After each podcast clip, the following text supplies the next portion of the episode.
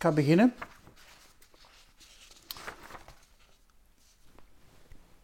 Goedemorgen, nog eens. Dus we gaan het hebben vandaag over de tweede edele waarheid van de Boeddha. Dus zoals ik verleden week heb gezegd, de, vier, de vier edele waarheden zijn de allereerste preek die de Boeddha heeft gedaan na zijn ontwaken. En we hebben verleden week het, de eerste waarheid onder de loep genomen en misschien kunnen we dat even samenvatten. Dus er is een nuchtere vaststelling vanuit Boeddha dat het bestaan leedvol is. Dukkha. Dukkha is misschien, leedvol is misschien wel heel zwaar, maar hm, we hebben het gezegd, het gaat over een ongenoegen. Een soort uh, iets dat niet klopt, iets dat niet draait zoals het zou moeten werken. En hij maakt die vaststelling heel nuchter, dus zonder dramatiek. Een beetje zoals een dokter die vaststelt dat er een ziekte is. Um, het beeld van de, van de dokter is, is niet toevallig, omdat de vier waarheden, hè, dus er is een ziekte, wat is de oorzaak van die ziekte? We kunnen genezen en wat is de weg om te kunnen genezen, is eigenlijk de fundamentele structuur van die vier edele waarheden. Dan hebben we ook gezegd uh, in het vorige, de vorige keer dat dukkha helemaal niet moet beschouwd worden als zijnde een soort noodlot. En als laatste hebben we ook gesteld dat Boeddha niet, uh, niet ontkent uh, dat er geluk kan zijn. Dus er kan wel degelijk geluk zijn, maar misschien niet volgens de weg die we meestal daarover uh, denken te moeten bewandelen. Dus we gaan vandaag, dus dat was verleden week. Dus we gaan vandaag dus de tweede waarheid bekijken, dus de oorzaak. Wel laten we maar meteen direct de woorden van de Boeddha uh, erbij halen. Dus dat is in de Samyutta Nikaya, de verzameling van de thematisch geordende leerreden. Je vindt ze ook op het internet. In de Sakka Samyutta, dus de, de, de leerreden van het in beweging zetten van het rad van de leer. Voilà. Dit, monniken, is de edele waarheid van de oorsprong van het lijden. Het is deze begeerte die tot wedergeboorte leidt, die vergezeld gaat van vreugde en hartstocht, die her en der genoegen vindt, namelijk de begeerte naar zintuigelijk genot, de begeerte naar bestaan en de begeerte naar ophouden te bestaan. Voilà. Dus zo formuleert Boeddha die tweede edele waarheid. En ik denk dat er wel echt nood is hier aan uitleg, omdat veel termen voor ons uh, vreemd in de oren klinken, zoals de Boeddha ze gebruikt. Maar een, allereerste gevolg, en ik had dat verleden week al een, al een klein beetje al, al aan, aangesneden, maar het eerst, en voor mij misschien toch zeker nu in deze tijden, van, van afzien en, en, en, uh, ja, en ongenoegen. De, de eerste gevolgtrekking daaruit is, de oorzaak van dukkha ligt in ons. Dus we moeten niet zoeken naar een oorzaak buiten onszelf. Dat is belangrijk. Want meestal gebeurt dat op die manier. Het zijn niet de dingen op zich die dukkha veroorzaken.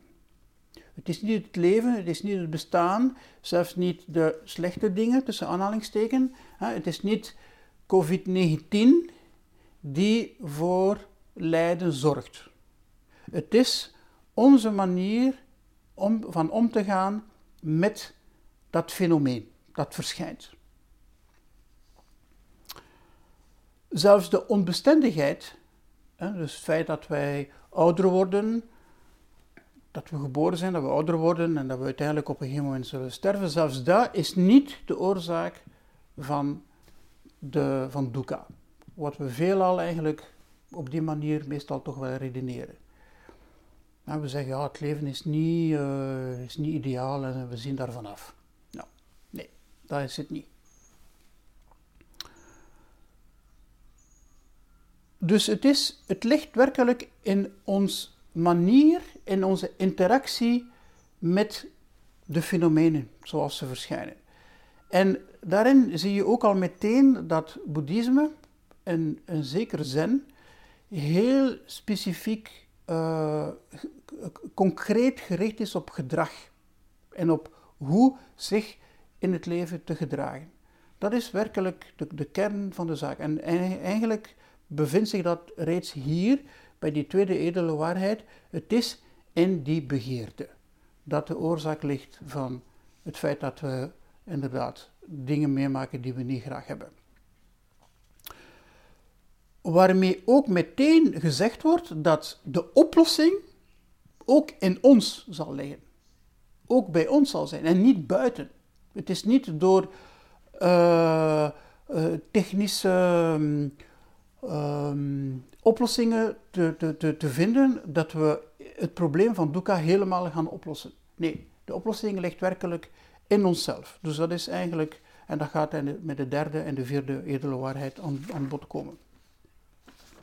Oké, dus dat is de eerste vaststelling. De tweede vaststelling is, Boeddha noemt dat de begeerte. Uh, dat is um, een vertaling van het woord in het Pali. Betekent eigenlijk dorst, betekent hunkering, betekent goesting. Voilà. Um, nu, we zitten dus eigenlijk met een dubbel probleem, zal ik maar zeggen. Enerzijds, eh, probleem nummer één, er is dukkha. Ten tweede, de oorzaak daarvan is begeerd. Omdat onze samenleving is zo opgebouwd, zo, zo samengesteld, dat begeerte de motor is van het hele economisch wezen waarin we leven. Uh, van productie van goederen en diensten tot en met de consumptie daarvan draait rond die begeerte. Door goesting te geven aan mensen om bepaalde dingen te bekomen, te hebben, te kopen enzovoort enzovoort, uh, draait eigenlijk heel onze economie. Dus we moeten misschien eens uh, nadenken, nu we merken dat inderdaad als we ja, uh, met die uh, lockdown zitten en dat de economie inderdaad stilvalt en eigenlijk begint zo stilletjes aan in te zakken. En, en, ja, dus is dat eigenlijk wel de goede manier van, van werken? Voilà. Dus dat is maar een, uh, een bijkomende vraag die we ons kunnen stellen. Dus dat is misschien het slechte nieuws voor veel mensen. Uh, legt echt de vinger op de wonden. En uh, oké. Nu, waarom is begeerte de oorzaak? Dat is een interessante vraag die we ons moeten stellen. Het is al belangrijk om vast te stellen dat het niet vanuit een moreel standpunt is dat Boeddha dat woord gebruikt. Dus het is niet zo dat begeerte op zich moreel verwerpelijk zou zijn. Absoluut niet. Um, het probleem van begeerte is, het vertrekt vanuit een slechte context. Het vertrekt vanuit het ego. Ja? En dat is wat we eigenlijk moeten, moeten kunnen observeren, kunnen analyseren en kunnen zien hoe, eigenlijk, hoe werkt dat eigenlijk allemaal. Wel, hij zegt drie dingen. Hij spreekt van begeerte naar zintuigelijk genot. Ik vind dat een interessante piste om, om te bewandelen, omdat we meestal dat op niet op die manier um, um, ervaren, het woord begeerte. Um, zintuigen zijn een heel natuurlijk gegeven. Daar is absoluut niks mis mee. Bovendien, ze zijn noodzakelijk. Uh, dat zijn de toegangspoorten tot de wereld rondom ons. Ja? Uh, alle uh, vormen van leven beschikt over zintuigen. Hè? Of soort sensoren, hè? noemt men dat vandaag in, de, in het eh, technisch jargon. Hè? Dus je hebt uh, ogen om visuele prikkels te kunnen opvangen, je oren om, auditief enzovoort enzovoort. Voilà. Dus op zich is daar absoluut niks mis mee. Het probleem, tussen aanhalingstekens, ontstaat wanneer dat er contact komt tussen die zintuigen en het object, die daarmee in verband staat natuurlijk, en die in ons bewustzijn een voorstelling gaan produceren. Een voorstelling die beperkt is. We zien niet heel het spectrum van elektromagnetisme, bijvoorbeeld. We horen niet alle geluidsgolven die er zijn. We kunnen niet alles maken, uh, enzovoort, enzovoort. Dus dat is beperkt. Het is onvolledig. Het is uh, een niet juiste manier. Het is, het is een soort kader. Net zoals je met een fototoestel of een camera een, een beeld maakt. Hè, het is een uitsnijding. Alles wat daar buiten is, heb je niet gezien. Wel, dat is met onze zintuigen ook zo. Dus het is zeer. Ze zijn. Um, hoe moet ik het zeggen? Ze zijn handig om, voor het dagelijks gebruik. Maar om een volledige kijk op de zaken te krijgen, zijn onze zintuigen beperkt. Nu, die voorstellingen zal bij ons eventueel plezier kunnen verschaffen. Kan ook uh, iets anders verschaffen natuurlijk. Hè. Uh, kan ook uh, pijn veroorzaken. Maar ja, dan zitten we terug met die dukkha. Maar laten we even die, dat spoor volgen die dus de, de Boeddha aanhaalt, dus het genot, het, het plezier. Het, plezier. het probleem van het plezier is dat het niet, door de wetmatigheid van de onbestendigheid, de zaken veranderen continu, op een gegeven moment dat plezier ook stopt en ophoudt. Dus wil je dat plezier opnieuw, dan moet je dat opnieuw in gang steken. Dus eigenlijk dorst zal op een gegeven moment nooit dorst kunnen lessen. Je blijft constant eigenlijk in die strategie van opnieuw, opnieuw en opnieuw. En op die manier kan je heel goed begrijpen hoe dat verslavingen uh, functioneren natuurlijk. Hè. Denk aan, aan, alcohol, denk aan sigaret, uh, chocolade, of alles wat eigenlijk via de zintuigen ons plezier kan verschaffen. Op een gegeven moment eindigt dat, dooft dat uit en, en moet dat hernieuwd worden. En dan zitten we terug in die vicieuze cirkel van uh, die werkelijk, uh, werkelijk dukkha is.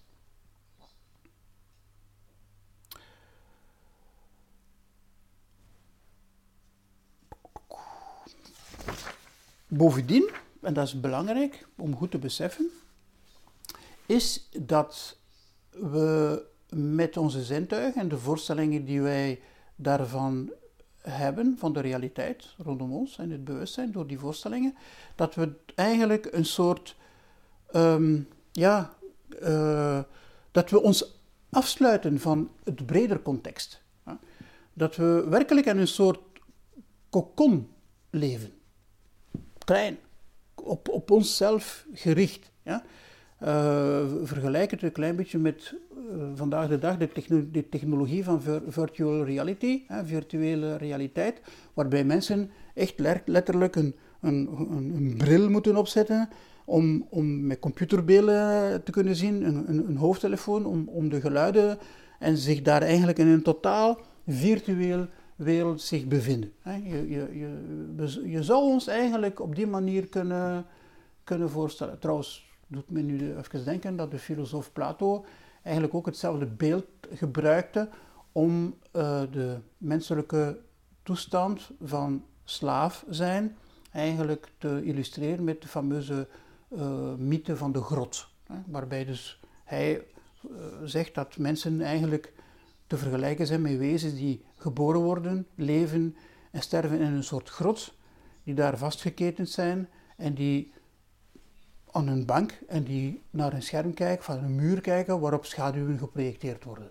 Ja? En die schaduwen, die nemen ze voor het leven aan. Ja, dus via onze zintuigen kunnen we dat eigenlijk op die manier uh, ook uh, beschouwen eigenlijk.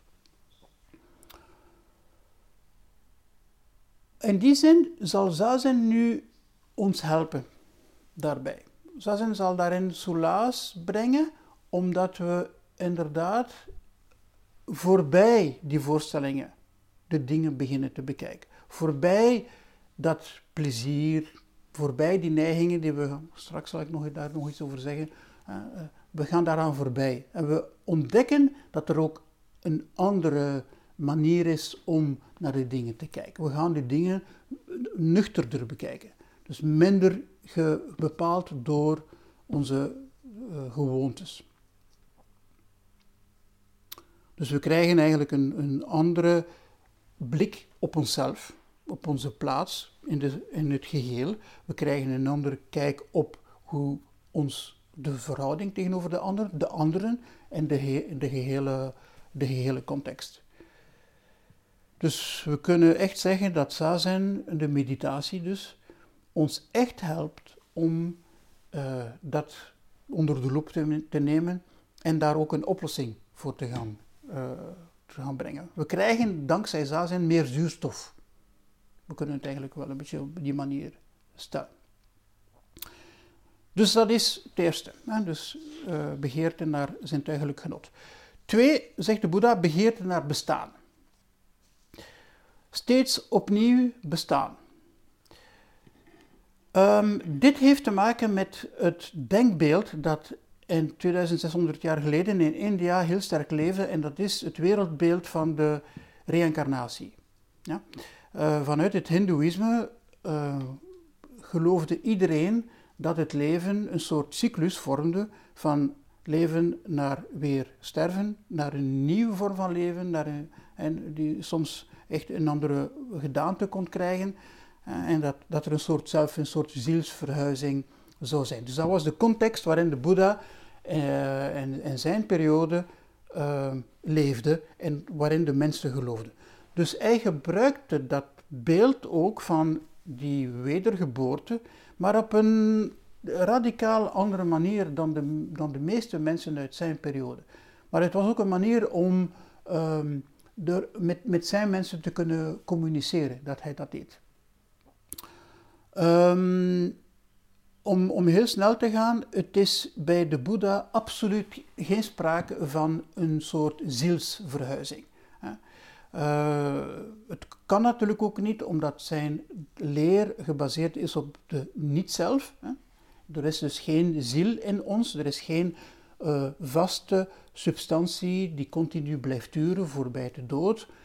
Dus dat is het zeker niet. Wat dat er wel is bij de Boeddha is de theorie van de karma. En karma, dat betekent, daar is ook veel misverstanden over hier in het Westen, dat betekent niks anders dan handelingen. Handelingen die je daadwerkelijk stelt vanuit een zeer sterk bewustzijn. Dus niet zomaar een handeling, je stapt op, de, op straat, je fietst. Nee, dingen die, waar je een, bijna een morele keuze voor gemaakt hebt. Dit, op die manier wil ik handelen. Op die manier wil ik spreken. Op die manier wil ik denken. En dat met een zekere herhaling. Ja? Voilà. Dus dat is karma. Karma brengt vruchten met zich mee.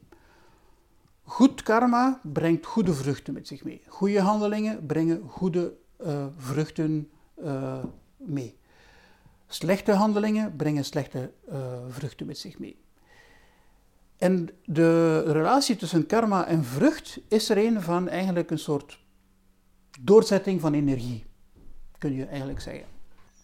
Dus wilshandelingen om te bestaan zegt Boeddha, brengt altijd opnieuw bestaan met zich mee. Elke dag opnieuw. Meer en meer worden, meer en meer zijn, meer en meer bezitten, meer en meer verzamelen. Voilà.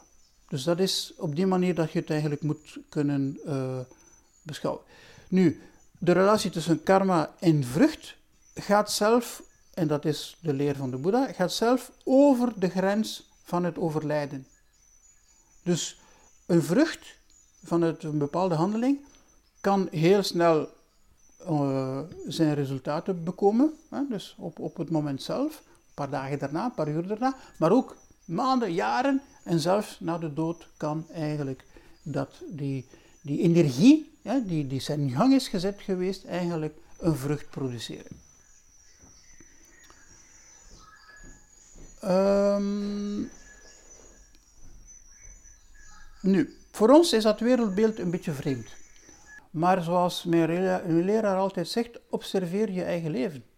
En je zult zien dat je eigenlijk zelf binnen een dag eigenlijk van een bepaalde gemoedstoestand naar een ander evolueert. Volgens die wetmatigheid van handeling en resultaat van een bepaalde handeling. En zelf van in een hele leven veranderen we. En kunnen we van hè, die, die zes levenssferen zoals ze zijn, traditioneel, hè, de helle wezen, de, de, de hongerige geest, de dierlijke wezens, de menselijke wezens, de halfgoden, de goden, hè, dus die zes levenssferen, we gaan daar constant van de een naar de andere. Voilà, dus in die zin, en dat is iets dat je wel kunt merken als je mediteert en als je, als je zazen beoefent, dat je effectief doorheen die verschillende uh, levenssferen kunt wedergeboren worden. Ja.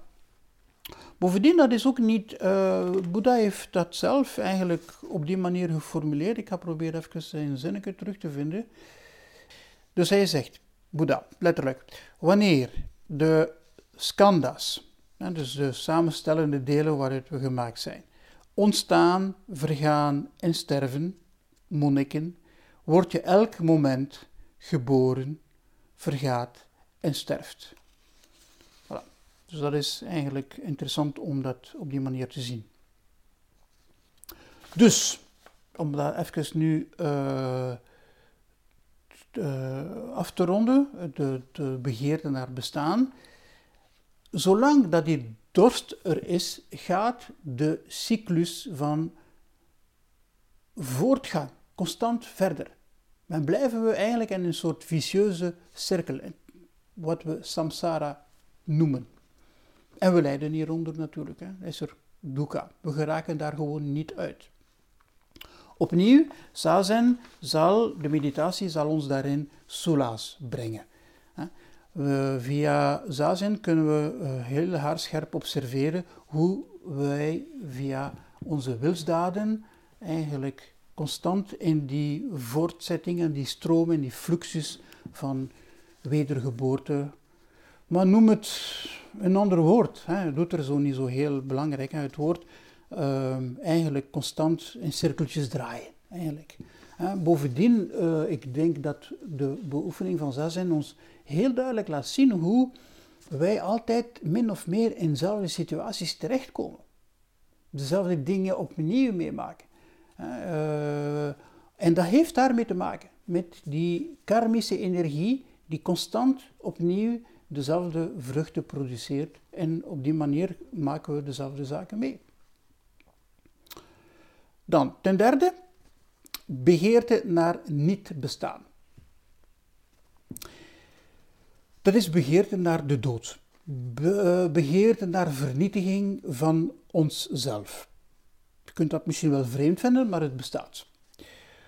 Um, dit doet me trouwens denken aan de fameuze uh, Franse filosoof en schrijver Albert Camus, die daar een boek heeft over geschreven, hè, Le mythe de Sisyphe.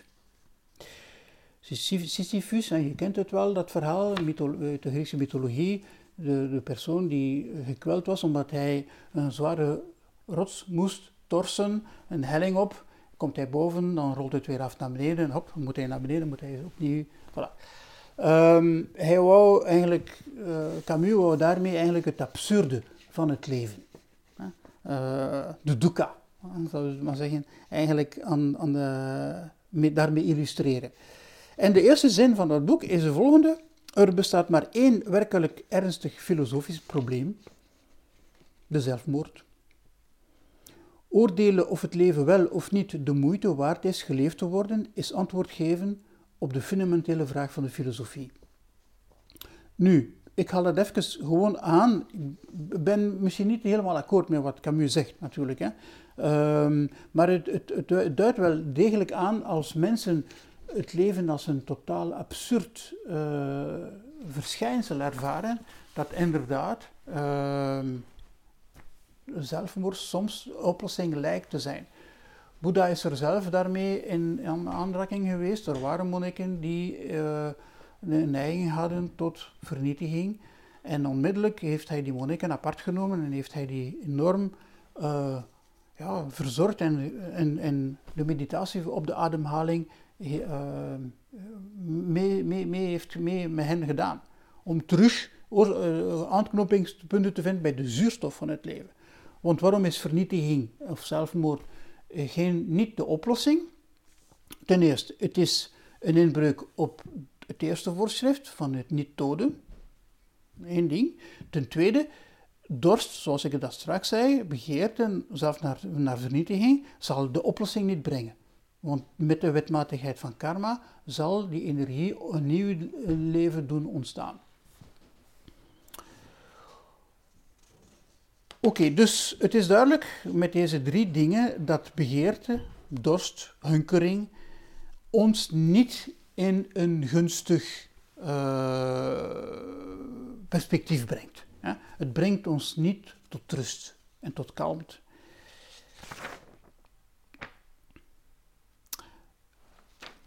Nu, het is belangrijk om goed te beseffen dat in andere teksten van de, en ik ga daarmee eindigen, dat in andere teksten van het Pali-kanon uh, niet alleen de begeerte uh, de oorzaak is van dukkha, maar op vele plaatsen is dat zelf de onwetendheid. Um, dus de oorzaak van dukkha is onwetendheid. Onwetendheid over wie we werkelijk zijn, hoe het leven werkelijk functioneert. Die over die onwetendheid gaat het. Dus het feit dat er geen zelf aanwezig is in ons, in ons bewustzijn, in ons ziel, in ons lichaam, en zo, hoe, je het, hoe je draait of keert. Um, Bovendien, maar we hebben niet zo heel veel tijd meer, uh, is onwetendheid en begeerte een van de twaalf schakels hè, van het cyclisch voortbestaan, hè, van die wedergeboorte. Maar ik ga dat vandaag niet onder de loep nemen. Dat zou misschien een, een interessant toespraak zijn, om een, een interessant detail zijn om, om eens op een andere manier, op een ander moment te gaan doen. Voilà, maar de, onwetendheid, de fundamentele onwetendheid van hoe, wie we zijn, en hoe het leven functioneert en werkt, brengt lijden met zich mee. En hiermee wil ik eindigen. Uh, zazen is de beste medicijn tegen onwetendheid. Voilà. Hiermee ga ik afronden.